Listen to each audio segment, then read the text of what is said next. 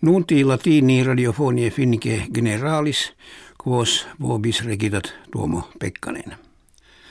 Postquam Viktor Janukovic, presidens Ukraine, pactum de libero commercio et cooperatione cum Unione Europea faciendum repudiavit, Ukraini contra presidentem eiusque regimen jam mense novembri reclamitare perunt. Janukovic autem leges perferendas nuper curavit, quibus reclamatores severissime puni rentur.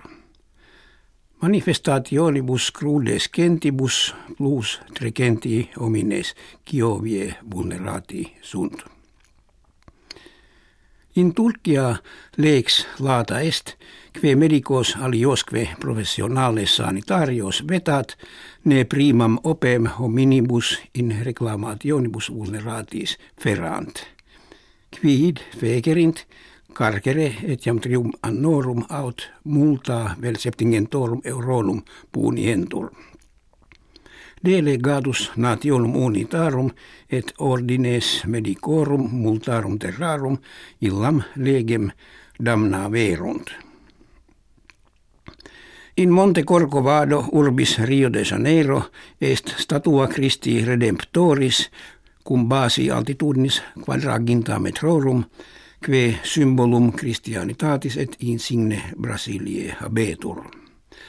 Nocte jovis tempestate se viente, fulmen statuam ita percussit, ut summum Christi pollicem au ferret. Damnum mense proximo reparabitur.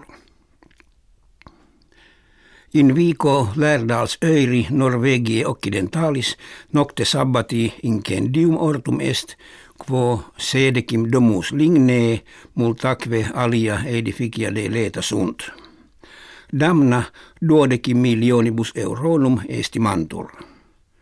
Lärdals öiri notissimus est veteribus edificis ligneis, que ante incendium centum sexaginta numerabantur. Causa calamitatis est ad hoc ignota.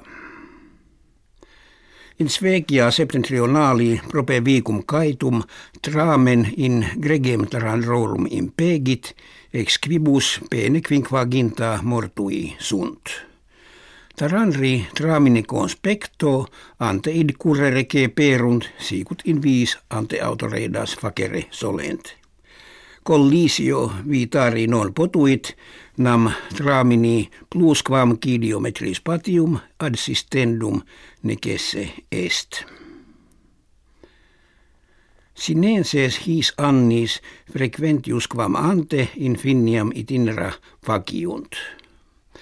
Etsi se pissime Helsinkium estivum petunt, etiam Lapponia hie maalis eos allicere kepit presertim conjuges juvenes et greges feminarum in Lapponiam veniunt ut auroram borealem videant, qua credunt fecunditatem et spem infantis masculi augerii. Aer frigidus pressionem sanguinis et laborem cordis auget. Itaque frigora morbis cardiovascularibus laborantibus periculosa esse possunt. Frigoris in mortalitatem effectus ex statistica clarissime apparet, nam funera hiemesunt frequentiora quam meteoribus anni temporibus. Infinia singulis annis kirkiter quinquagena hominum milia mortem obeunt ex his sexcentesime sive circiter tria milia tempore anni frigidissimo moriuntur. Frigus saluti hominis sine dubio periculosius est quam commeatus vehicularis, nam in calamitatibus vehicularibus anno proximo tantum lucenti quinquaginta quatvor homines infinia mortui sunt. Fine nuntiorumita facto, gratias auscultatoribus agimus et valedigimus.